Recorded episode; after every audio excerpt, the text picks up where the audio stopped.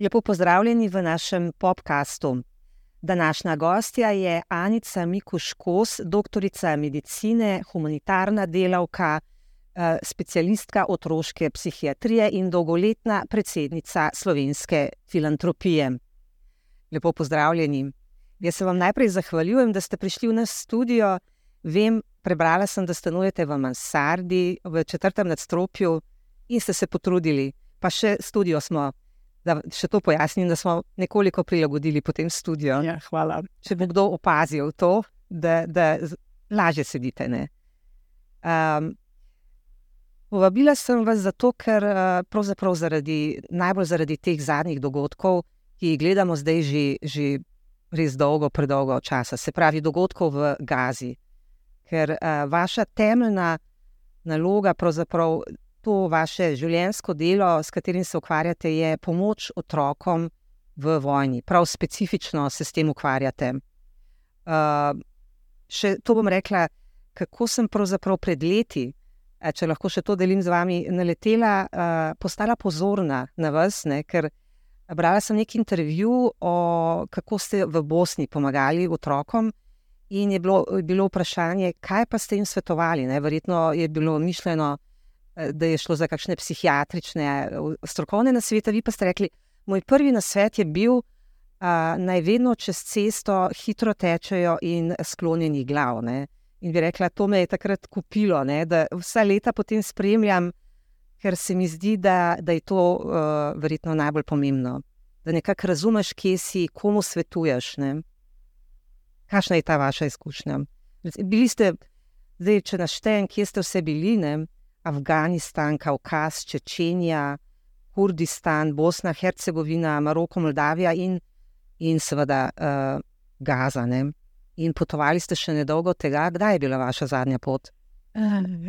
Pred kakimi tremi, štirimi tedni v Moldavijo, kjer uh, delam z Ukrajinkami, uh, ker pač nismo mogli tja, to, v ta južni del Ukrajine, to je Herson, ki je zelo napadan. Eh, pa Izmail eh, smo povabili Ukrajinke v eh, Kišinjov, to je glavno mesto Moldavije, tako da smo začeli s projektom psihosocialne pomoči otrokom Ukrajine, ki jih je prizadela vojna. Uh, ta projekt to financira Amerika ne, in Slovenija. Ja, tako je, Amerika in Slovenija. In poteka že nekaj časa. Ja, vsi, da pripravljali smo ta projekt, oni so pripravljali naši partnerji v Ukrajini, eh, vsi smo pa eh, dejansko pričeli z implementacijo projekta. Je, v bistvu ni hecno, ampak je tako nekako bi rekla. Uh, kot stvari potekajo, da smo skoraj uh, pozabili, da je tam še vedno vojna poteka ne, ja. v Ukrajini. Ja, vojna še vedno poteka, otroci še vedno trpijo. Ampak morda, če smo s tem začeli, pa bi vas vprašala, ker to je verjetno en ključnih projektov, uh, s katerimi se ukvarjate ta, uh, v Ukrajini, kako je to v praksi poteka? No, mogoče najprej na vaše prvo vprašanje, pravzaprav eh, ta moj odnos do, do vojne in, in delovanje na vojnih področjih, pa z otroki begunci. Uh, a veste, jaz sem vojno doživela sama kot otrok in mislim, da je nekaj, kar mi je dejansko zaznamovalo v tej pomoči otrokom. Uh, in uh, to je bila druga svetovna vojna, stara sem bila sedem, osem let, ko smo se pridružili partizanskemu gibanju, moj oče, mama in jaz. Uh, in uh, sem bila med vojaki, torej v vojski, v. v uh, sredini eh, bitk in, eh, vojnih dogajanj. In pravzaprav eh, moje doživetje vojne me, me je spodbudilo, da sem se začela intenzivno posvečati otrokom vojne. Pozicija, kot sem brala med vojno, je bila še posebej, bi rekla, težka in, in nevarna, ker vaša mama je uh, judinja z Hrvaške, vi ste bili pravzaprav judovski otrok in ste se morali bi rekla, dvakrat, dvojno skrivati. Tako, tako, tako se to je bil glavnih razlogov, tudi da smo odšli v Partizane, ker enostavno drugače bi bili odpeljani, vsaj mama in jaz, v koncentracijsko taborišče.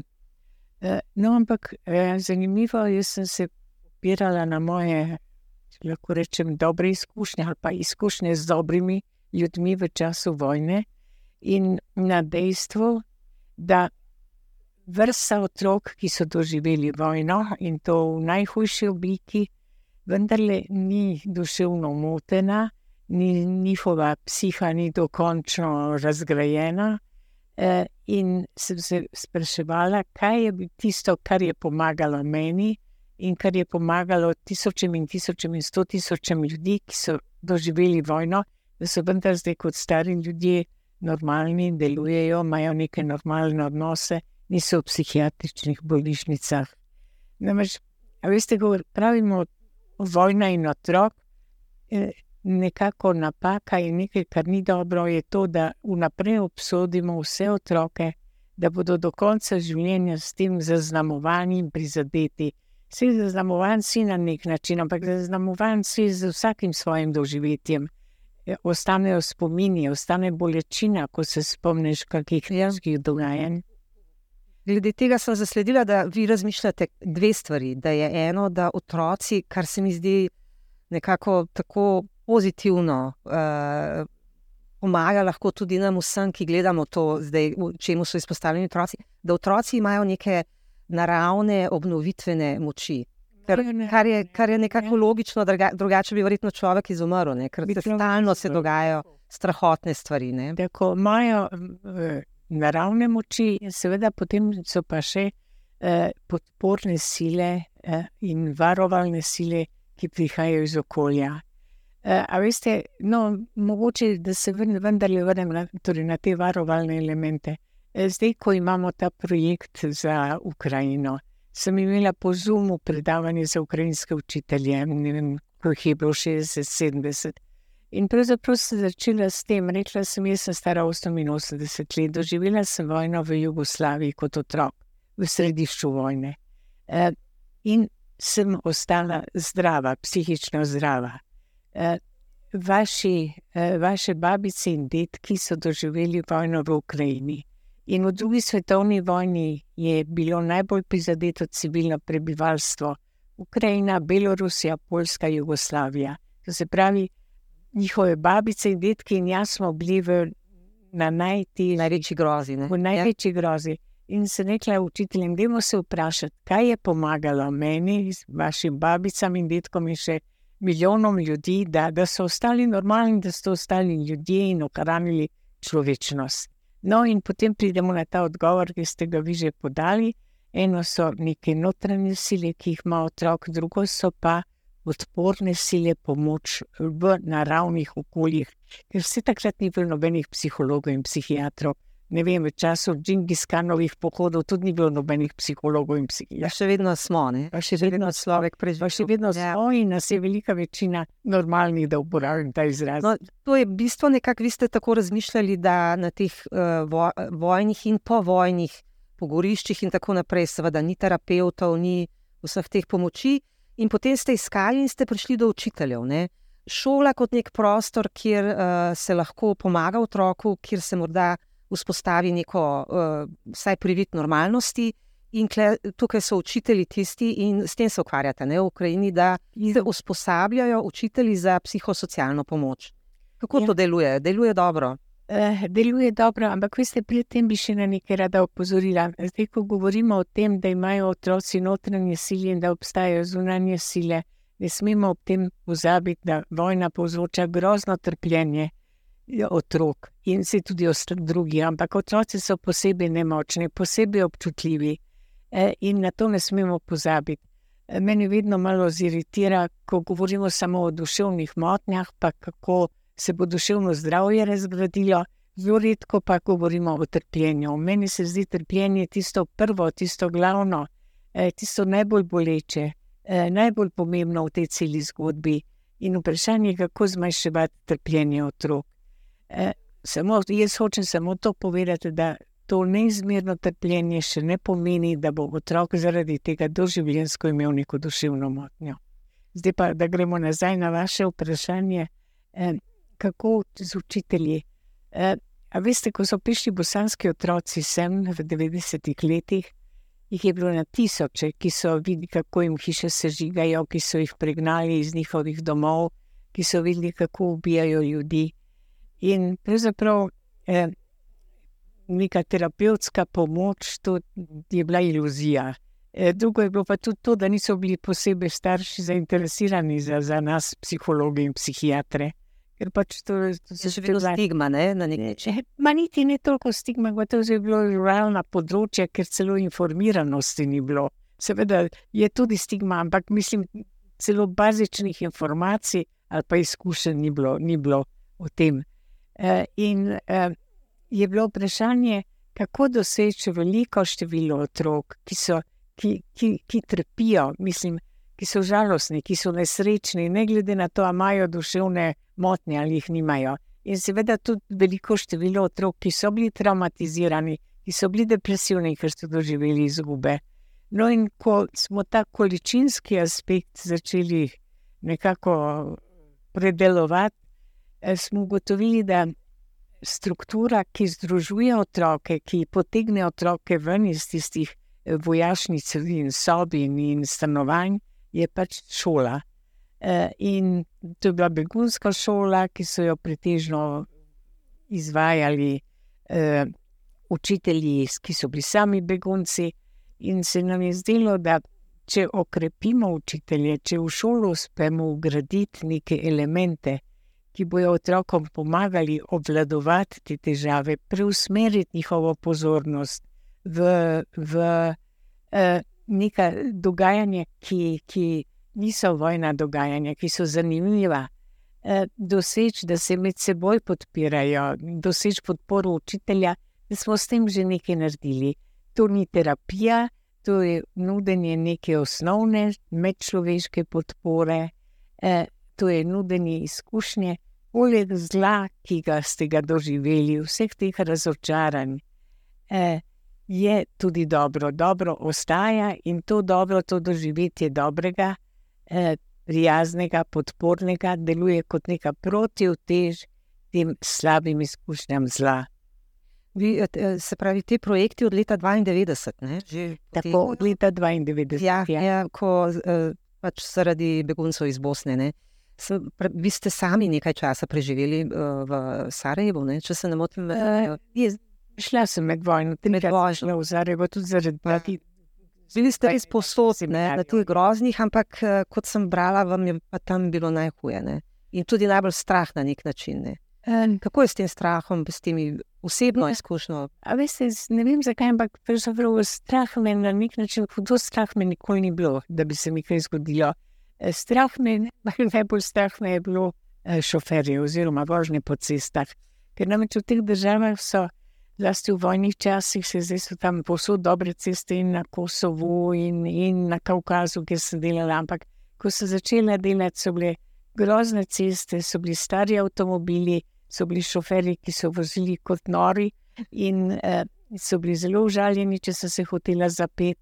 Pripet, ker so rekli, vi nam ne zaupate, Uh, Bog ne daj pa, da bi rekli, da je malo bolj počasi voziti. Uh, to so bili mladi. Ste imeli kdaj kakšno nesrečo? Jaz tudi nesrečo, tudi nesrečo v spino, uh -huh. da si grdo. No, in to so bili mladi fanti, ki so bili prav nagušeni, da so prišli do avtomobilov uh, in da so vozili. Uh, drugače pa, tako da bi se prav bala česa, se, se ne spomnim. Uh, celo iz svojih otroških let ima samo en spomin, zelo hudega strahu uh, iz vojne, ko sem v neki kleti doživljala bombardiranje. Ne vem, zakaj pač. Različno smo narejeni. Ne? To je zdaj ta vaš strah, po drugi strani pa to, da ste priča in da se ukvarjate, da vidite toliko trpljenja. To pa je verjetno tudi zelo, zelo težko. Ja, je težko. Veste, pa čim starejša sem, tem, tem težje moram reči, da to prenašam. Vse se mi zdi, da se mi kar nekaj lomi tudi če gledam kak film, berem kaj. Poslušam, kako je noč. Ne bolj sentimentalen, ali je to res? Ja, ja, ja, res je. Prej sem uh, na nek način bila bolj trdna in sem uh, več prenesla. Uh, je, uh, pa, kar mi pa pomaga na nek način, veste, je pa tudi, da pri svojem delu vidim toliko dobrega, toliko dobrih ljudi in dejansko uh, toliko storjenega dobrega eh, da si človek ne bi mislil, da v vsem tem zlu še obstajajo taki otoki dobrega in, in, in eh, skratka, da dobro je. In, Ja. Učitelji sodelujejo radi v tem, ali imajo kakšne pripombe, da, je to, da jih obremenjuje to. eh, zdaj, kako, kakor kdo, zdaj, seveda na take seminarje ali pa programe, se to so ponavadi dolgi programi, praviloma so to dolgi programi, ki trajajo dve do tri leta. Namreč, če hočeš nekaj zares ugraditi v nek institucionalni prostor ali pa nek socialni, strukturiran socialni prostor, eh, je treba to dolgo časa, mora to dolgo časa se dogajati. Eh, In zdaj, seveda, v take programe vstopajo tisti učitelji, ki so zainteresirani, motivirani, ki želijo otrokom pomagati, že tako otrokom pomagajo, tudi brez nas. Eh, In, verjetno tisti del učiteljev, ki pa tega ne počnejo, ker, vem, ker so čustveno manj odzivni, ker so, ker so manj empatični, ali pa ker imajo sami preveč svojih težav, tisti pač ne pridejo v programe. Tako da eh, moja percepcija je selektivna na nek način, kar bom vam povedala, da so učitelji krasni in, in hočejo. Eh, In hočejo pomagati, in veliko dobrega naredijo, to velja pač za te, ki pridejo. Ampak to je tako, povsod se Tako je, pri nas. povsod. Krasne učitelje in manj krasne. To je res. O tem bomo še mo- morda na koncu kakšno rekli. Zdaj, da se vrnem v bistvu na ta povod, ki sem ga omenila že na začetku, na dogodke v Gazi. Ne.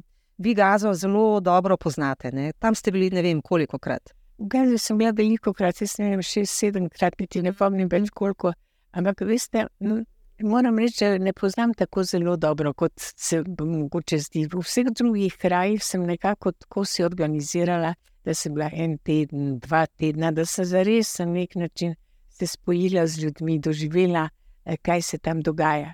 V Gazi je pa vedno bilo tako zelo na hitro, iz varnostnih razlogov, dva, tri dni in tiste dva, tri dni je bilo toliko lovljenja tega, kako izpeljati program, da ta dva, tri dni. Tako da se mi zdi, da, no, in sva se dogovarjala z mojim kolegom, da bom enkrat prišla za 14 dni, da se bom pogovarjala z ljudmi, da bom lahko živela z Tam so podobni programi v okviru šole. imeli podoben program, ja, to je ITF delal in je bil podoben program in je zelo dobro se izvajal ta program, ker smo učitelje tudi poskušali na nek način opolnomočiti, okrepiti, da bi pomagali otrokom. A veste, tudi v Gazi je iluzija psiholog, psihiater, se tam jih je gotovo več eh, kot drugje, ampak eh, mislim, kot na drugih vojnih področjih, ampak vseeno priti do njih ni enostavno. In tudi mama, ki ima, ne vem, štiri, pet otrok, pa živi v revščini, kako bo vodila enega otroka, ne vem, na drugi konec gaze, eh, psihologu ali pa psihiatru, da bi pa plačali, pa seveda nimajo denarja.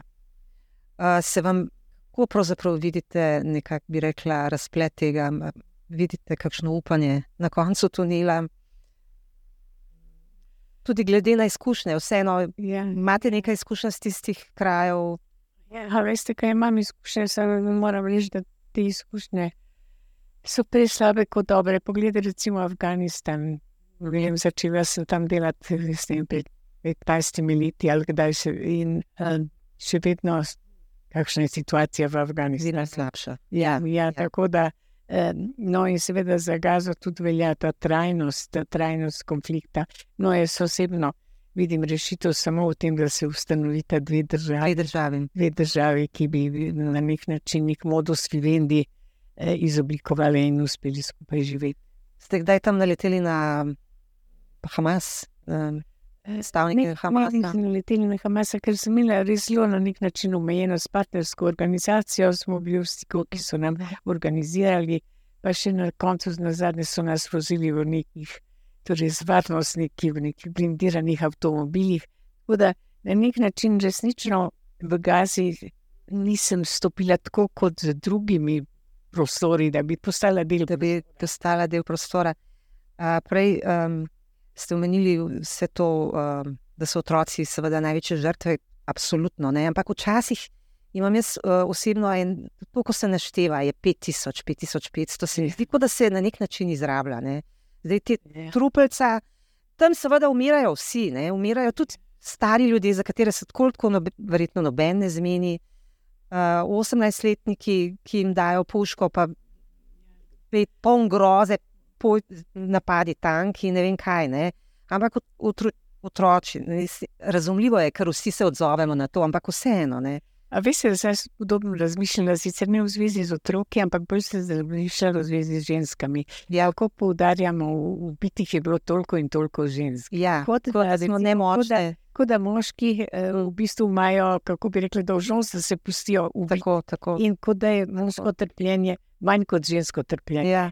Mislim, to se mi zdi tako eh, zanimivo na nek način, mislim, ali pa ne pravično. Mislim, ko govorimo, ponavadi govorimo ne o tem, kako so ženske eh, prikrajšane.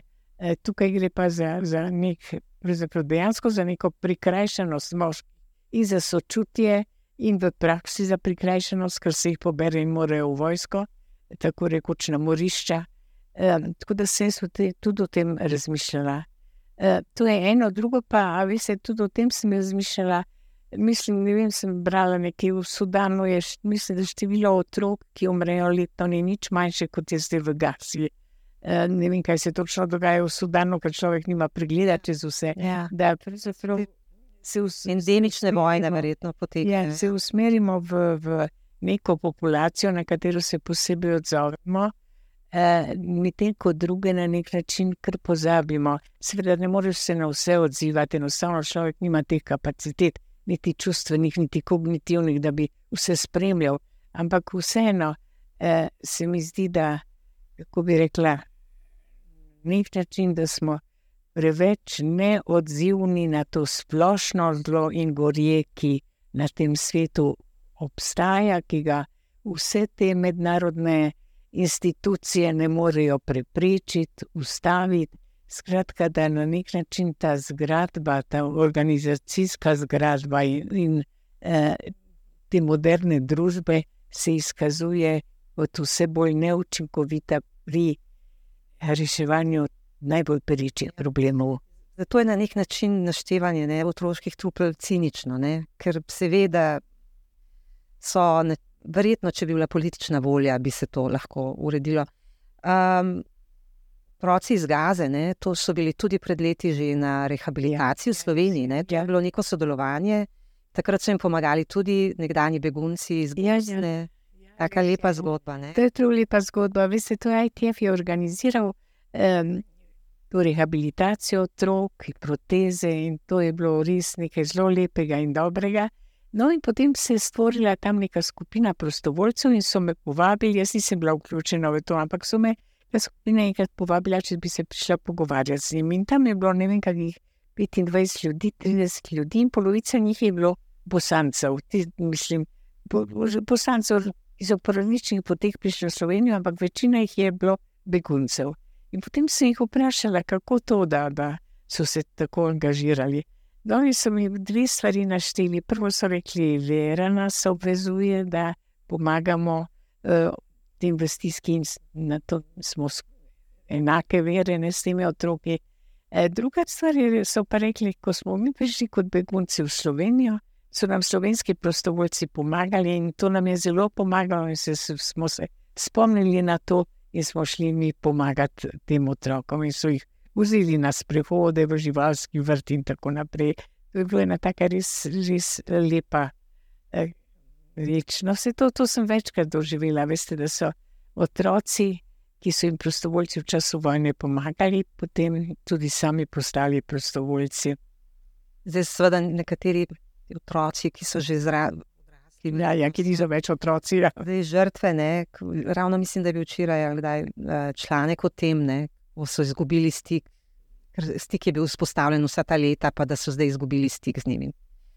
Tako naprej. Uh, um, nekje ste zapisali, in prej ste omenjali to trpljenje. Ne? To se mi zdi kar pomembno uh, neka, nekako uh, poudariti. Ne?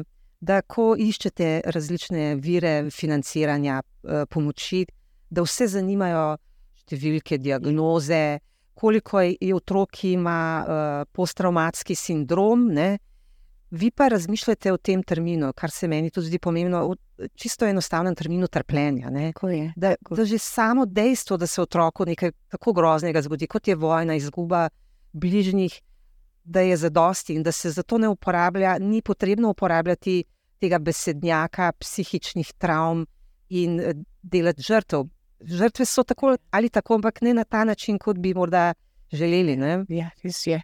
Veste, prva stvar, ki se je zgodila tam v 90-ih letih, ko se pričuta interes za pomoč otrokom vojne in sicer predvsem na Balkanu, pa v afriških državah, tam so bili tudi, pa, pa si ne vem, eh, Huti, huti, pa tudi. Ja, ja, ja. Eh, ki so eh, tam je bilo tudi ogromno mrtvih. Ja. No, in takrat se je ta strokovna srednja začela interesirati za to, kako tem otrokom pomagati. In predvsem jih je zanimala podtraumatska stresna motnja. To je bilo nekaj novega, se je znano, je bilo že prej, ampak tako v širokih razsežnostih je to bilo nekaj novega, se je nenadoma razširilo. In pravzaprav prvi, prva napaka, ali to, kar ni bilo dobro, je bilo to, da se je vse osredotočilo samo na podtraumatsko stresno motnjo. V izgubah sploh niso govorili. A veste, izguba ni nič manj kot podtraumatska stresna motnja. Mislim, ti otroci ogromno so izgubili, izgubili so bližnje očeta, brata, izgubili so dom. Eh, izgubili so vero v človeka. Mislim, to je tu zelo pomembno. Koliko krat je kak bosanski otrok rekel, za me je bilo najhuje to, ko je prišel učitelj Srb, ki sem ga imel rad in ki je imel mene rad in ki je bil dober človek, pa je prišel v naše stanovanje in nas pregnal iz stanovanja. To je, veste, to je strašno razočaranje. To ni samo, da si pregnan iz stanovanja. Pregnal te človek, kateremu si zaupal. No, in skratka, o tem se sploh ni govorilo, pa tudi o drugih rečeh, ki prizadevajo otroka, da spremeni pogled na svet. Prej je bil zaupal, je verjel, da ga starši lahko obvarujejo, majhne otroke. Zdaj pa vidi, da ga starši ne morejo obvarovati. Zadnjič sem na televiziji gledala, malček ukrajinski, vidi tank in kriči tank, tank, tank in se boji, pa je mama ob njem. Vidi, vidi na televiziji. Ja, vidi, da mama ne more zavarovati pred tankom. Eh, no, da, to je bila prva stvar, da smo, da smo se omejili samo na eno diagnozo in se, in se spraševali, samo koliko je otrok, ki imajo potraumatsko stresno motnjo. Drugo je pa to, kar je pa še večji greh, je pa resnično, da pravzaprav to osnovno kategorijo, zaradi katere je treba pomagati otrokom in preprečevati vojne, seveda, in nasilje, je pa trpljenje. Meni se zdi trpljenje, kako bi rekla, neka vred, vrednost, vrednota, kategorija ali kakorkoli to že poimenujemo, ki preseže vse. Ker se mi zdi, to je tisto najhuje, kar se lahko človeku zgodi. Se strinjam. Mimo uh, grede, kako vidite trenutno razmere v Bosni in Hercegovini? Vas skrbi? Me skrbi. Resnično me skrbi tudi to, kar se na Kosovo dogaja. E, in imam prijatelje, in na Kosovo in Bosni. In pravzaprav marsikdo mi reče, da je kak norec eh, izstreli iz pištole. Eh, in sem začela, da je to lahko povzroči, da, da eksplodira. Tako da se mi zdi, ja, ja, no, in se mi zdi, da ta dogajanja zunaj Balkana pravzaprav na nek način še vzpodbujajo. Eh, po eni strani odtegujejo pozornost od Balkana, to je ena stvar, ne? Eh, druga stvar je pa, da v bistvu je možno, je dovoljeno. Ne? Mislim, evo, čisto lepo teče v Gazi, lepo teče vojna v Ukrajini. E, a veste, na nek način je to. Ja, zdaj, problem je Gaza, Izrael je ta stalni problem. Ne? Če kritiziraš dejanja Izraela, si zelo hitro označen kot antisemit. Ne? Kako vi to vidite? Ne? Zelo malo kritike je pravzaprav, um, bi rekla, dovoljene po drugi strani pa to znova, kar je grozljivo, ne, se širi antisemitizem ravno zaradi teh dogodkov. Ja, Ta dvojni proces je. Pozabljamo, da poleg antisemitizma se širi tudi uh, antiislamizem. Mislim, tudi tega je zelo, zelo veliko in uh, je dobro. Trenutno je pač bolj aktualen antisemitizem, ampak sem, an, antiislamizem je, je enako prisoten. Uh, samo mogoče niso tako, tako očitali. E, drugače pa, veste, mislim, vsako nasilje je grozno in obsojanje vredno, samo nama je to enostavno reči tukaj, ko sediva na varnem prostoru. Ko si pa upleten v neko vojno, pa se stvari drugače dogajajo. E, Doskrat je vprašanje enostavno, to so moji spomini iz vojne. E, ni vprašanje civilno prebivalstvo, ja, ali ne samo, e, kaj bo, kaj naredi, da bi civilno prebivalstvo manj nastradalo, da bi bilo manj prizadito. Skratka, eh, opcije niso vse, torej pozitivno ali pa negativno, ampak opcije so negativno, negativno, samo da bi bilo čim manj negativnega. Um, ravno ob teh, eh, to sem razmišljala, da bi vas vprašala, to je klasično vprašanje, ampak ko se to gledamo doma, ne, kot pravite, z varnih kavčev in tako, ampak vseeno to neko povzroča neko vznemirjenje. Kako razlagati otroku uh, pri nas ne? te posnetke, to vojno? Težko. No, jaz mislim, da je dobro, da čim manj gledajo, kar, seveda, manj, mhm. kar seveda ne mislim, da, bi, da, da eh, ne bi smeli. Torej, otrok mora se z realnostjo biti seznanjen, ampak te neposredne posnetke, veste, ker otroci so empatični, tudi mehni otroci so empatični in lahko to zelo, zelo intenzivno doživljajo. Tako da dejansko, se spomnim iz balkanskih vojn, teh naših zadnjih, eh, se tudi zgodi, da, se, da je, da je osrednja, osrednjo travmo otrok doživi, pa res travmo, ko vidi nekaj groznega ali pa ko nekdo nekaj pripoveduje. Eh, in eh, to je ena stvar, drugo, zdaj, kako razložiti. Veste, jaz mislim, da je pač treba čisto realno povedati, da ljudje se tepejo, borijo za svoje ozemlje da jim ni, mislim, vsak misli, da ima pravico do tega ozemlja ali pa potrebuje to ozemlje, ali pa včasih pa gre samo za pohlep, da hočeš imeti več ozemlja in da je to v ljudeh. V ljudeh je zlo, kakorkoli, v nas vseh je tudi zlo in to otrok mora zvedeti prej ali slej. Samo važno je, da mu povemo, da je pa tudi dobro. Mislim, da zato, ker drugače bo videl svet kot črn in brezupen, ne glede na to, ali je skavča ali je v gazi. Tako da se mi zdi, da realna predstavitev dogajanj je pomembna, no, seveda našim otrokom mirno lahko rečemo, da so varni, da se jim ne bo nič zgodilo. Ampak poleg te predstavitve zla, se mi zdi, da je zelo pomembno predstavljati tudi dobro in veliko govoriti o dobrem. E, ker dobro je, to ni laž, dobro je. Dobro je, jaz se strinjam. Ja.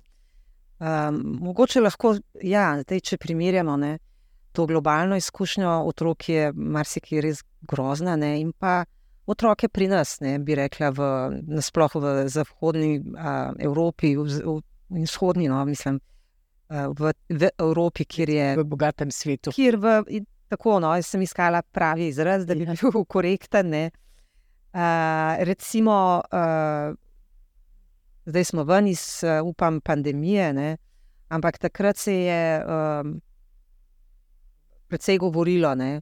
Kako je to izgubljena generacija, kako v strašnih razmerah uh, naši otroci živijo, kako govorili se o, marsičem, stiskah. Ja, ja, ja. Ne, in pol, potem. Pač velja, na milijone otrok je preživelo vojne, ne, bi pa naši otroci, ne, to je nek, moj prijatelj rekel, bojo pa tudi um, morda preživeli nekaj tednov, če bojo samo sedeli na kavču pred računalnikom ali televizijo. Ne? Kako vi to, bi rekla, na nek način pretiravanje, čeprav verjetno vsaka prav partikularna osebna izkušnja je verjetno takšna, kot je bila opisana, ne? izkušnja stiske in težav. Ne? Ja, ampak veste, torej meni se zdi dobesedno. Neetično ne uh, izjavljati in širiti to videnje, da je cela generacija izgubljena. Eh, ker preprosto ni izgubljena. Mislim. In s tem na nek način se mi zdi, da celo podcenjujemo trpljenje. Zanima nas samo, koliko bomo duševno zdravi ali pa ne zdravi. Ampak tudi tu večina ljudi ostaja, večina ljudi okreva, enostavno okreva. Tudi če so hudo fizično in psihično prizadeti, okrevajo. To je ena stvar, in se mi zdi, res, da to ni prav, namreč ker s tem preži res, da, da bo cela generacija izgubljena. Drugič pa s tem porivamo na nek način ljudi v vlogo žrtve. Dopovedujemo ljudem, da so, da so zdaj izgubljeni, ali pa otrokom, da so izgubljeni, ali pa staršem, da so njihovi otroci izgubljeni. In to pravzaprav s tem eh, stopnjujemo to nemoč, občutek nemoči. Nekateri govorijo o priučeni nemoči, ki jo drugi usadijo v, v, v glavo ali pa v možgane eh, človeku, da pač nič ne more, ker se mu je to zgodilo, eh, je nič ne more in je opravičen do tega, da ne izpolnjuje svojih nalog, eh, da, da ne deluje ali pa celo da kaj slabega ne želi. Recimo pravijo, da smo v času izrazito zaščitenega otroštva. Ja. Uh, ampak vendarle, uh, počasi se bomo morali tudi v našem svetu, ne, in to vidimo, kar vsako leto bolj začeti soočati z uh, stvarmi, na katere pač tudi najbolj helikopterski in zaščitniški, zaščitniški starši nimajo vpliva. Ne. Kot je recimo okolje. Ne. To smo videli, poplava pride, ogromne poplave in nimaš kaj. Ne. A veste, jaz mislim, da prav sedanji čas kaže na to, kako smo nezaščiteni v bistvu. Glede, nezaščiteni smo pred naravnimi nesrečami, nezaščiteni smo pred epidemijami, nezaščiteni smo pred vojnami, koliko je teh vojn, nezaščiteni smo pred revščino. Namreč, eh, karkoli se zgodi, bogati postajajo vse bolj bogati in revni vse bolj revni. Tudi jaz tega ne razumem, moram priznati, kako je to. Ampak naj se zgodijo vojne, epidemije, ne vem kaj, eh, ujna kriza, eh, ekonomski zlomi. Bogati so vedno vse bolj bogati. In seveda to, vse te reči, mislim, govorijo o tem, da, da naša iluzija o zaščitenosti, kako bomo vse bolj varni, kako nam bo vse bolje na tem svetu, da to ne drži. Da, da bi se morali ovesti da pravzaprav so še druge reči, poleg napredka razvoja, tehnologije, digitalizacije, da so druge reči, ki bomo presneto potrebovali in to je vzajemna pomoč, človečnost, solidarnost. No, uh, o tem pišete v pismu, javnem pismu, ki je bilo nedavno, vi ste prva, prva podpisnica. Uh, ravno o tem, ne, da bi morali v šolah kot ste rekli, vzpostaviti, več govoriti o skupnosti, manj o storilnosti, manj samo o številkah, o uspešnosti, o ocenah, ampak v neki skupnosti, pomoči in tako naprej. Ne? Da niso važni le merljivi rezultati, ampak kritično mišljenje, reševanje problemov, sodelovalna kultura in socialna povezanost. Tega vi ne vidite, ne? Mislite, da je problem v tem? Ja, jaz mislim, da je problem v tem, da tega tožne šole mnogo premalo, oziroma da to ni vključeno v filozofijo šole. E, namreč, e, obene moram povedati, da se v šolah dogaja veliko dobrega. Veste, da se vrnem na te učitelje, ki pomagajo, ki krasne stvari delajo. E, so šole, v katerih, v katerih najdete vse to, kar ste našteli, v etosu šole, v psihosocialnih. Govorite o slovenskih šolah? Govorim zdaj o slovenskih šolah. Samo ali bo, to, ali bo takšna šola, ali bo takšno vzdušje v oddelku, je odvisno od slučaja. Mislim, če je ravnatelj dober, v redu, eh, humanistično naravnan, bo vzdrževal tako šolo. Videla, ni pa to neka splošna usmeritev. Ni pa to neka splošna usmeritev, ni pa to, kako bi rekla, osnovno določilo ali pa osnovna norma. Eh, Enako velja za učitelje. Ne? Mislim, so prekrasne učitelje, ki brez kakih psihologov in seminarjev in ne vem, če eh, izvajajo res prelepe reči za pomoč otrokom v stiskah. Ampak ni pa to, še enkrat, ni pa to sestavni del kurikuluma, ni to neka osnova delovanja šole.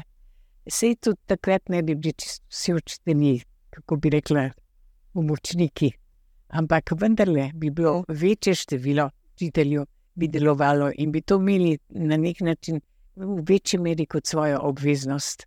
Vi ste prav po profesiji strokovnjakinja za otroško psihiatrijo, pa verjetno imate mnenje o tem, veliko je, vsaj občutek je, da je veliko v zadnjih let, letih različnih odločb o posebnih potrebah, takšnih, drugačnih. Nekaj ste napisali, včasih bi rekli, da ima otrok uriti mravlje. Ne? Danes pa dobi diagnozo uh, eh, ADHD, ne, torej ja. Eh, težave z pozornostjo. Uh, včasih so bili otroci, so veljali, da so leni, danes je to že motnja. In pravite, da bo naslednja velika diagnoza bo za počasnost. Ja, ja se že je, veste. Že je. Že imamo diagnozo. ja. Bogi, bogi, no, to pa jaz sem vedno bolj počasna. Je nova. Ja, veste, počasnost. Pa to je tako pravzaprav. Ko ima otrok neko lasnost, zaradi katere ne more ustreči zahtevam in pričakovanjem šole, glede uspešnosti družbe, glede ego ideala, to je tisti uspešen človek, ki premaguje vse ovire in gre naprej in naprej in naprej in tekmuje z drugimi in prehiteva druge. Eh, No, če seveda to ne uspe, in veliko število otrok pač tega ne uspe, ne uspejo počasni, ne, ne uspejo nemirni. eh, Te otroke na nek način ti, ki izpadejo iz tega mainstreama, tega glavnega toka, eh, zdi, da bi jim pomagali z najboljšim namenom in pomagamo tako, da jim damo neko diagnozo.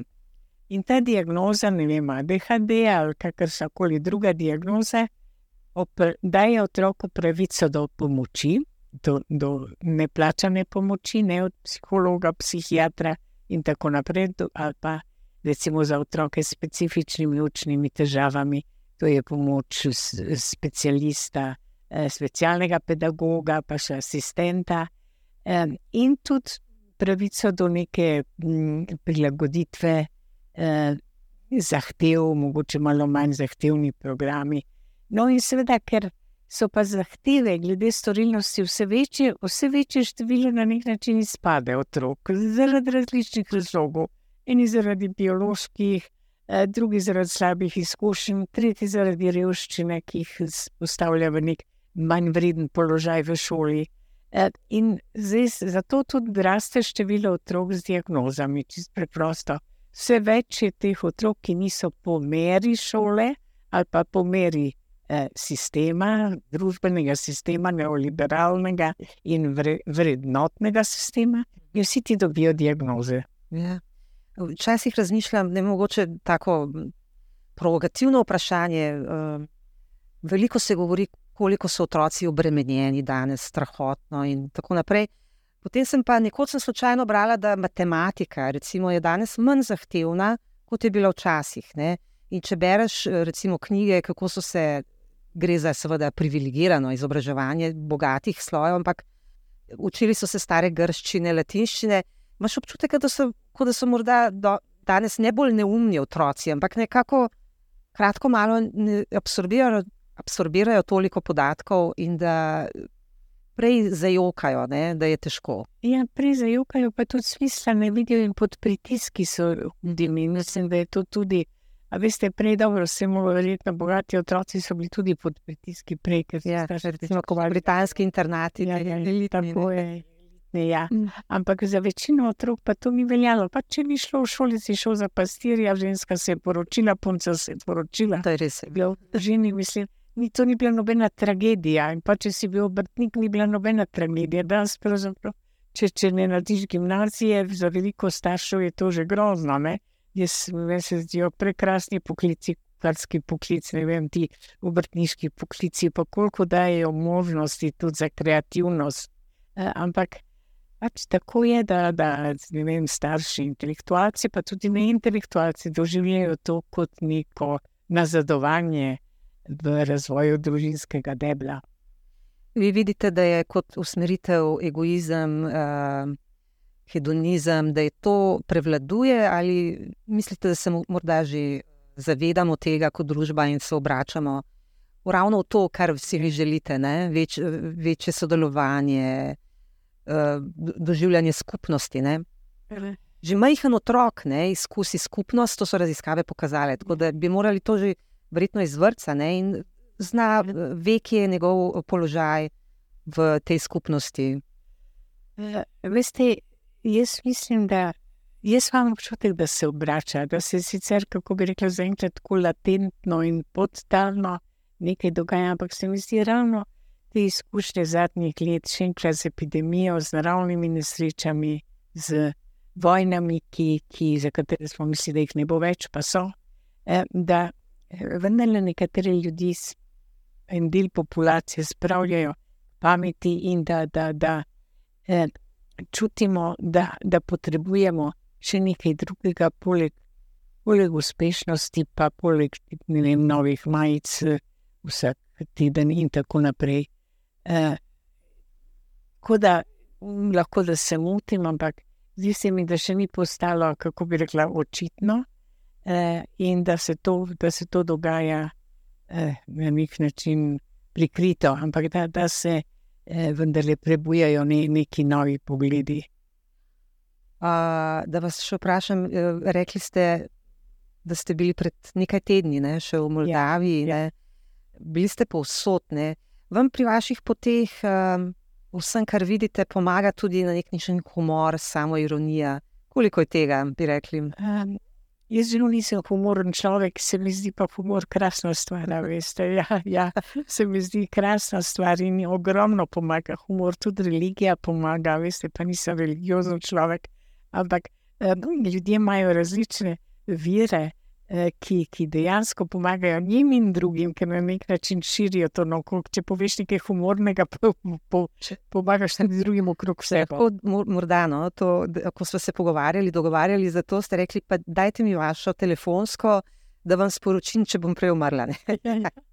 To je recimo nekaj, na to. To običajno yeah. povem, veš, yeah. ker sem 88 let stara in uh, pač, to je čas umiranja. In, uh, ampak vi Pa še, kar, še vedno ste predsednica filantropije in uh, kakšne projekte imate? So, kakšni so zdaj vaši? Vse filantropija ima ogromno dejavnosti in moram kar priznati, jaz sem bolj upeta, torej nisem upeta v vse dejavnosti, sodelujem pri prostovoljnem delu, pa potem pri teh projektih uh, za uh, otroke vojne, ki jih izvaja filantropija. Uh, je pravno smo imeli sejo upravnega odbora pri nekaj dnevi je to res neverjetno, kako intenzivne so te dejavnosti.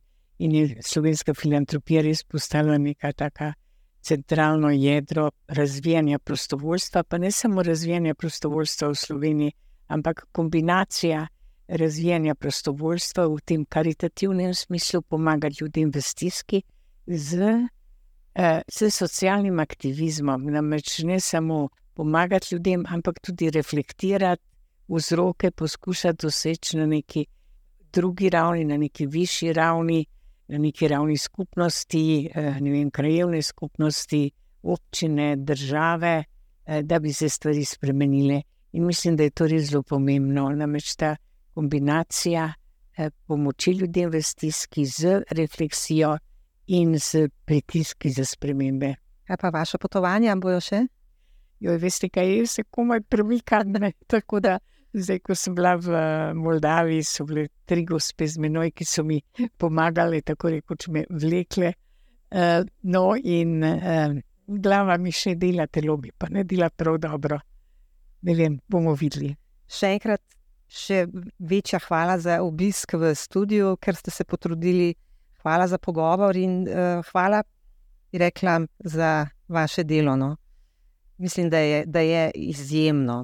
Je, če je izjemno, pač človek naredi, kar mora in se zaveda, da v bistvu učinki niso ne vem kakšni, ampak nekako mislim, da je to moralna dolžnost. To, kar mora se več.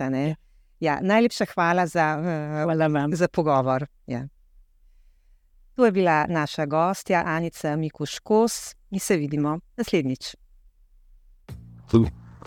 Peace.